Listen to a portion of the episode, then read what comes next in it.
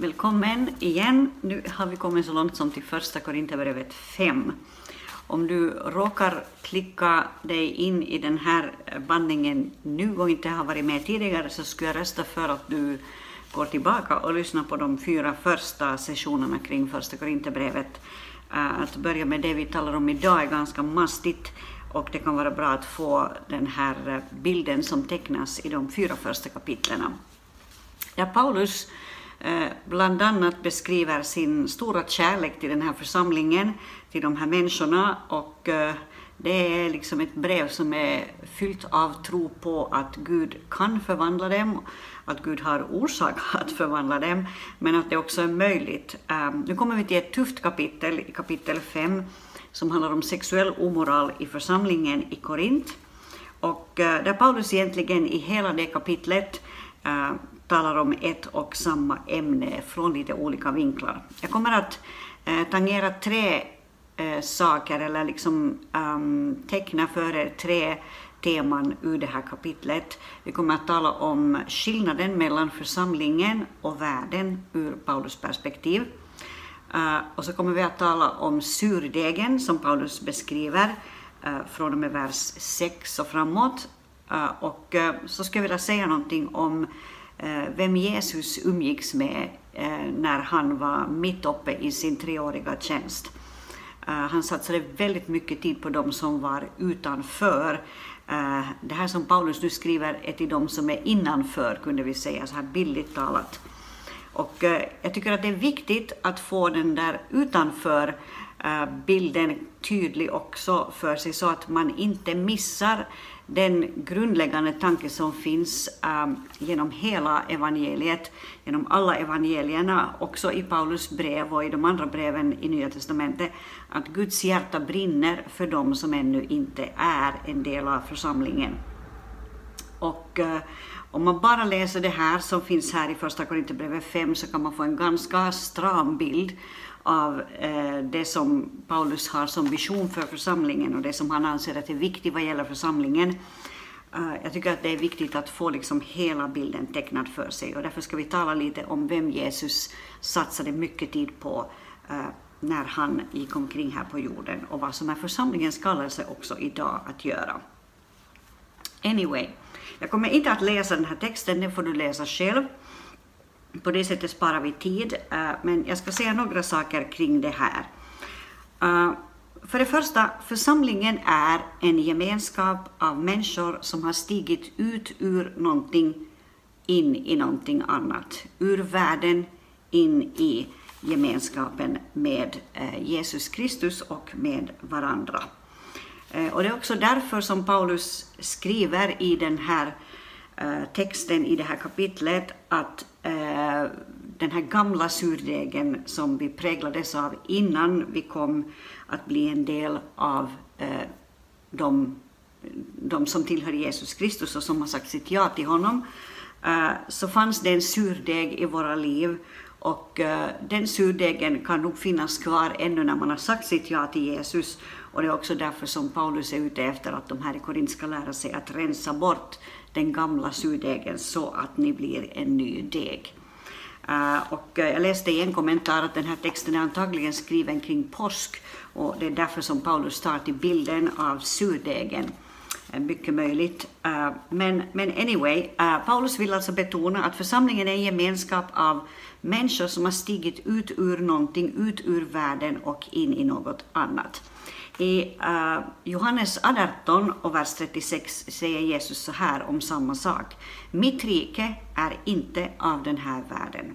Hade mitt rike varit av den här världen skulle mina tjänare ha kämpat för att jag inte skulle utlämnas åt judarna.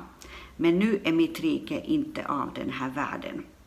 Så Jesus drar en klar och tydlig gräns mellan världen och hans eget rike. Och han säger att det rike som han kom ner till jorden för att bygga och etablera, det är ett rike som inte är av den här världen som vi lever i just nu. Uh, han säger att, alltså att mitt rike är inte av den här världen. Samtidigt så betonar Jesus, om vi går lite vidare i Johannes evangeliet eller egentligen lite bakåt, till det 17 kapitlet och startar där i vers 6, Eh, samtidigt så betonar Jesus att vi är sända till den här världen. Eh, så som kristna har vi ett, ett så dubbla förhållande, kunde vi säga, till världen, eh, till den gemenskap av människor som finns utanför församlingen. Det är det jag menar med världen. Och den, den dubbla kallelsen, det är detta, eller den, det dubbla förhållandet är detta, att vi å ena sidan verkligen är sända rakt in i den här världen.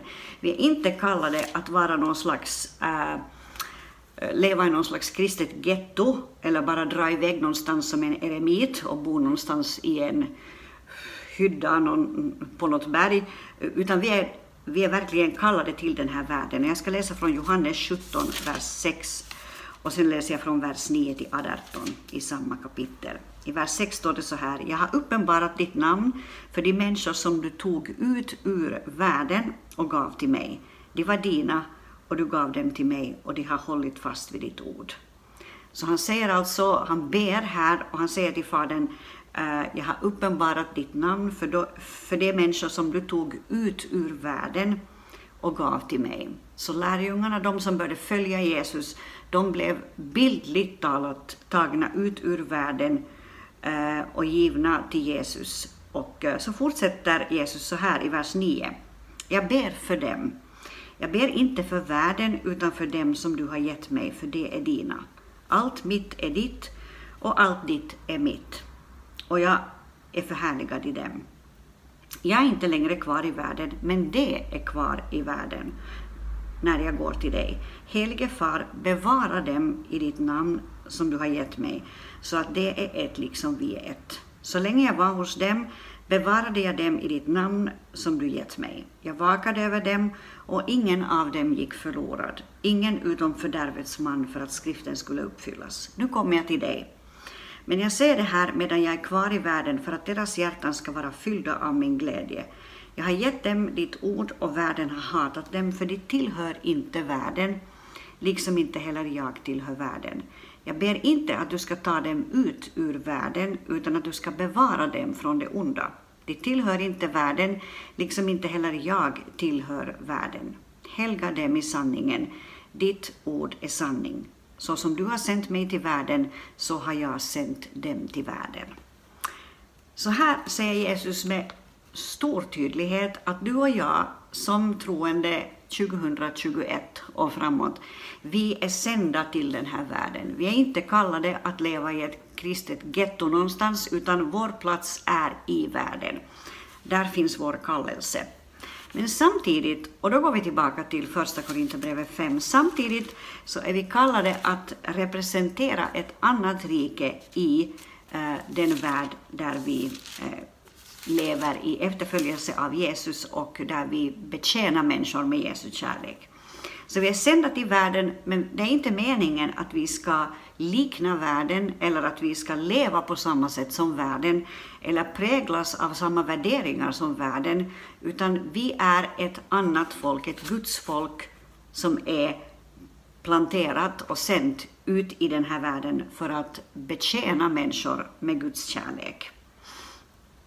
Eh, det som Paulus då skriver om här i första Korinthierbrevet 5, det är att, att den livsstil som präglades, eh, eller som, som präglade eh, folket i Korint, och jag sa ju tidigare här att det var en ganska så här rojsig stad för att säga det på ren svenska, det var en ganska vild stad och det fanns väldigt mycket av, av omoral där.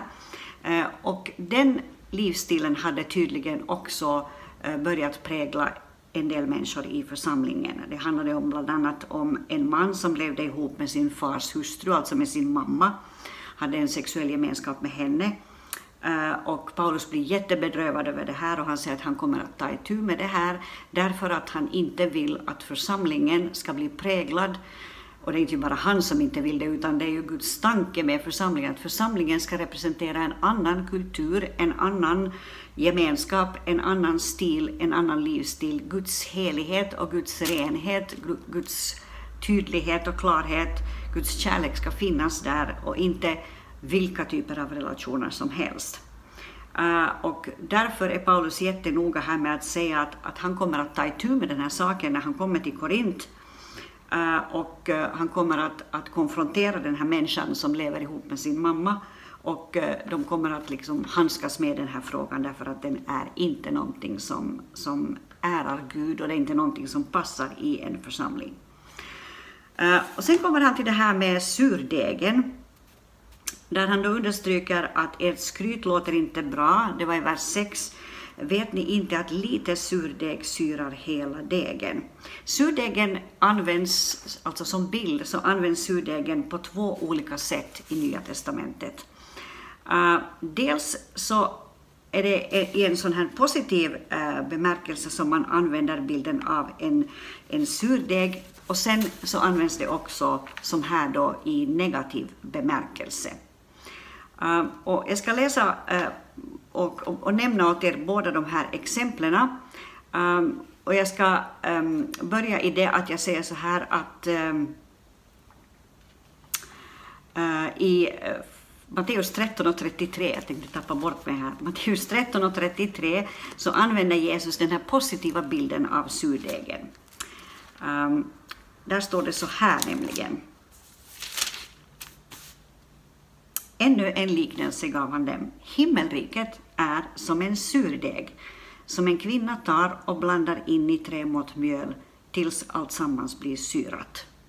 Så himmelriket har en inneboende kraft, det som Jesus representerar, den kraft som han kommer till oss med när han förvandlar våra liv, det är som en surdeg som kan jäsa och jäsa och jäsa och bli större, bli mer, inte bara påverka mitt liv utan genom mitt liv påverka många, många människor och många andras liv. Eh, och eh, på det sättet liksom växa i kraft och växa i, i, i makt.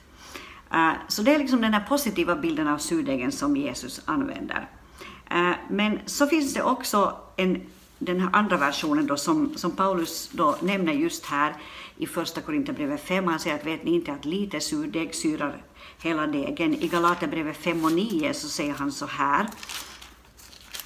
Um, jag ska läsa det alldeles snabbt för er.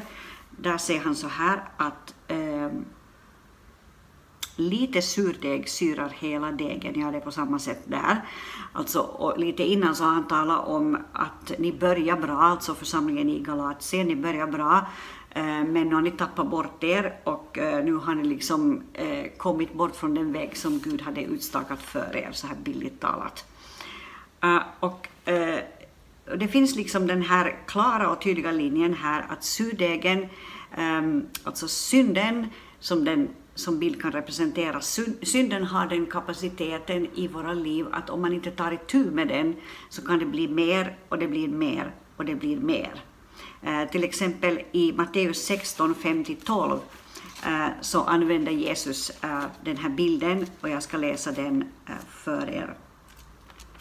Hela det sammanhanget där. Eh, när lärjungarna kom över till andra sidan sjön hade de glömt att ta med sig bröd. Jesus sa till dem, akta er för fariséernas och saduceernas surdeg. De sa till varandra, vi fick inte med oss något bröd. Jesus märkte det och frågade, varför säger ni till varandra att ni inte har något bröd? Så lite tro har ni. Eh, Förstår ni fortfarande inte? Kommer ni inte ihåg de fem bröden till de fem tusen och hur många korgar ni fick? Eller de sju bröden och de, till de fyra tusen och hur många korgar ni fick? Varför förstår ni inte att det inte var bröd jag talade om? Och så kommer han till surdegen. Akta er för fariséernas och saduceernas surdeg. Då förstod de att han inte talade om att akta sig för surdeg i bröd, utan för fariséernas och saduceernas lära. Så felaktig lära eller liksom felaktigt tänkande, fortfarande också idag, kan vara som en surdeg som växer och blir mer och därför behöver man ta tag i det. På samma sätt som Paulus här i första Korinthierbrevet 6 förlåt, första Korinthierbrevet 5 är ute efter att de ska ta tag i den här synden uh, som har kommit in i församlingen i Korint så att den inte förmerar sig. Uh, han säger att rensa bort den gamla surdegen så att ni blir en ny deg. Rensa bort den gamla synden ur era liv så att ni blir nya människor. Eh, och eh, vårt påskalamm Kristus har blivit slaktat, ni har blivit givna ett lamm som har offrats för er, nämligen Jesus Kristus som kan förlåta er allt och rena er från allt. Och då säger han, låt oss därför inte eh, fira högtid med en gammal surdeg, inte med ondskans och elakhetens surdeg utan med renhetens och sanningens osyrade bröd. Så han säger alltså att rensa bort synden ur era liv och se till istället att Jesus får liksom förmeras på er insida. Uh, och uh, då skulle jag nu vilja ta, lite med, eh, ta med några tankar kring det här att Jesus samtidigt som han också har en väldigt tydlig linje i det här, att han konfronterar synden i människor. Eh, I de här texterna jag just läste, eh, till exempel då ur Matteusevangeliet, så stod det ju att han var ute efter att konfrontera den surdeg som fanns i fariseernas och saduceernas lära.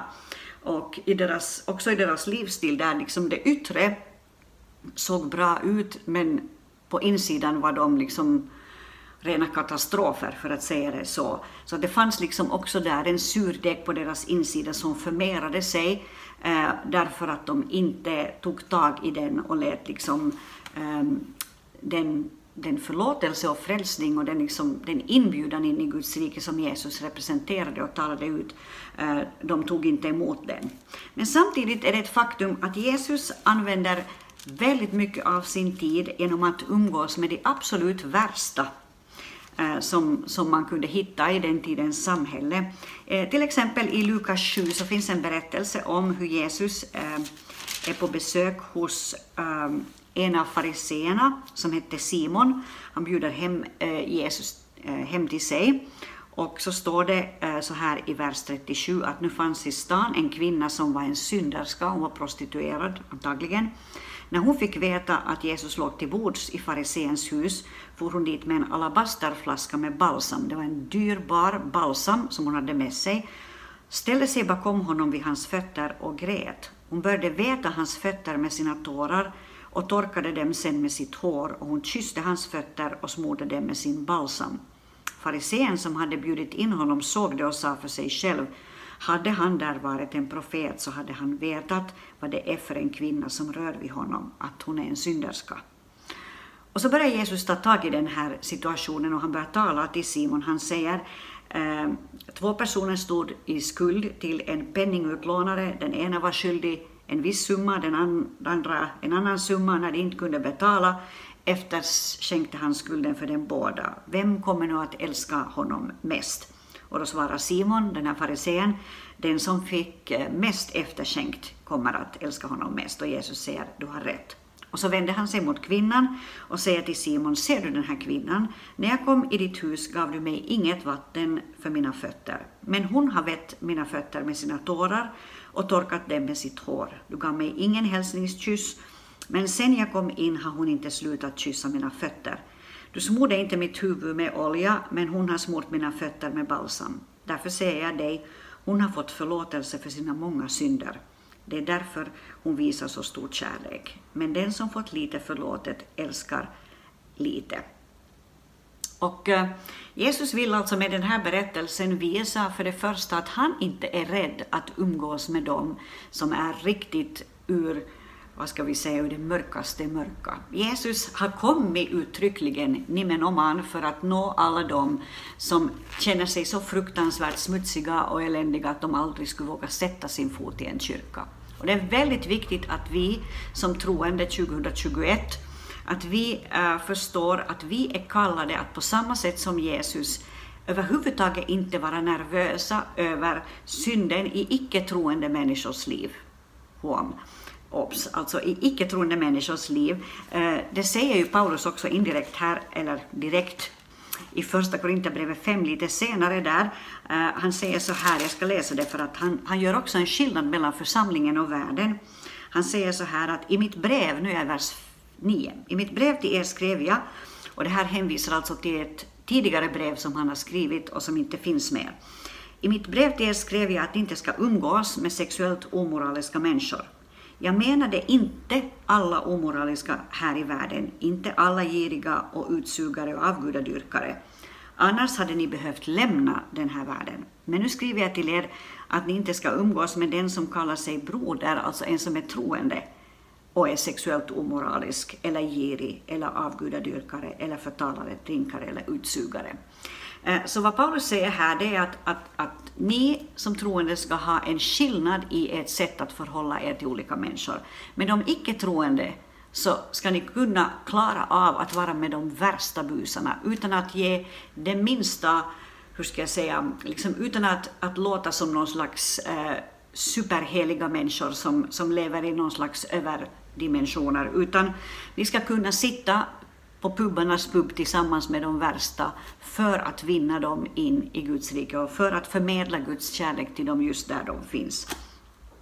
Eh, han säger alltså inte att, att de troende ska liksom lämna den här världen och leva i någon slags heliga bubblor i det himmelska, utan vi ska leva mitt i den här världen för att älska dem som mår allra sämst, precis som Jesus gjorde i, i, i fariseens hus, där han låter den här prost, prostituerade kvinnan kyssa sina fötter och det måste ju ha varit en fruktansvärd syn att titta på eh, för de här fariseerna. Det var säkert flera fariseer där också.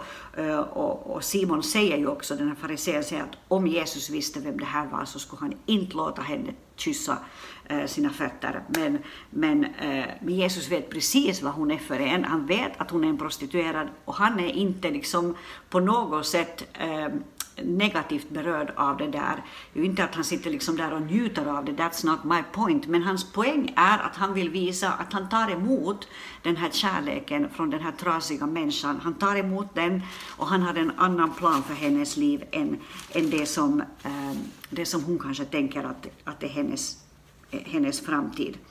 Han, han säger så här att hon har fått förlåtelse för sina många synder därför att hon visar så stor kärlek. I Matteus 9.12 säger Jesus att det är inte de friska som behöver läkare, utan det är de sjuka. Och eh, i Lukas, eh, nej förlåt, i, i Matteus evangeliet eh, så säger Jesus också att han, liksom, eller det står om Jesus att han såg människor som härjade och hjälplösa som får utan hede. Och därför säger han be skördens herre om arbetare till skörden. Och i Lukas 15 så står det om Jesus så här jag tror att det står, om jag inte minns fel, så handlar det om, om vilka typer av människor som han umgicks med. Lukas 15, 1-2. Alla tullindrivare och syndare höll sig nära Jesus för att höra honom. Men fariseerna och de skriftlärda kritiserade honom ständigt och sa, den där mannen tar emot syndare och äter med dem. Om man åt tillsammans med någon så var det ju liksom djupaste tecken på gemenskap och det gjorde Jesus. Och det säger något om hans hjärta för dem som är utanför.